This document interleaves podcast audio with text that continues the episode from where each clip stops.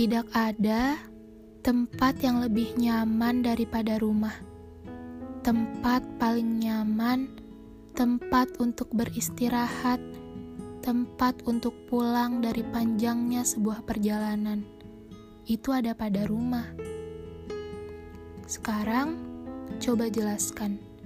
Apakah rumah bila penghuninya pergi, akan ada orang lain yang menempati? Tentu saja iya. Rumah yang ia tempati, kini penghuninya sedang pergi. Rumah itu tidak pernah tahu. Suatu saat nanti penghuninya itu akan datang lagi atau hanya sekedar singgah untuk beristirahat sejenak. Tapi, sekarang yang harus dilakukan adalah merawat rumah itu agar tetap kokoh. Walaupun rumah itu sendiri tak tahu siapa penghuni yang pasti. Dan rumah itu tahu ada ia di dalamnya. Ia yang sedang mencoba merawatnya agar tetap kokoh dan tidak terlihat kusam.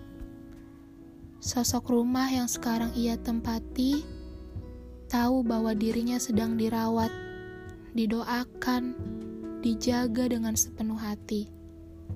Rumah itu kini bisa melindunginya dari panasnya terik matahari dan juga dinginnya hujan di malam hari. Tapi, rumah itu hanya bisa melindungi, tidak bisa untuk dimiliki saat ini.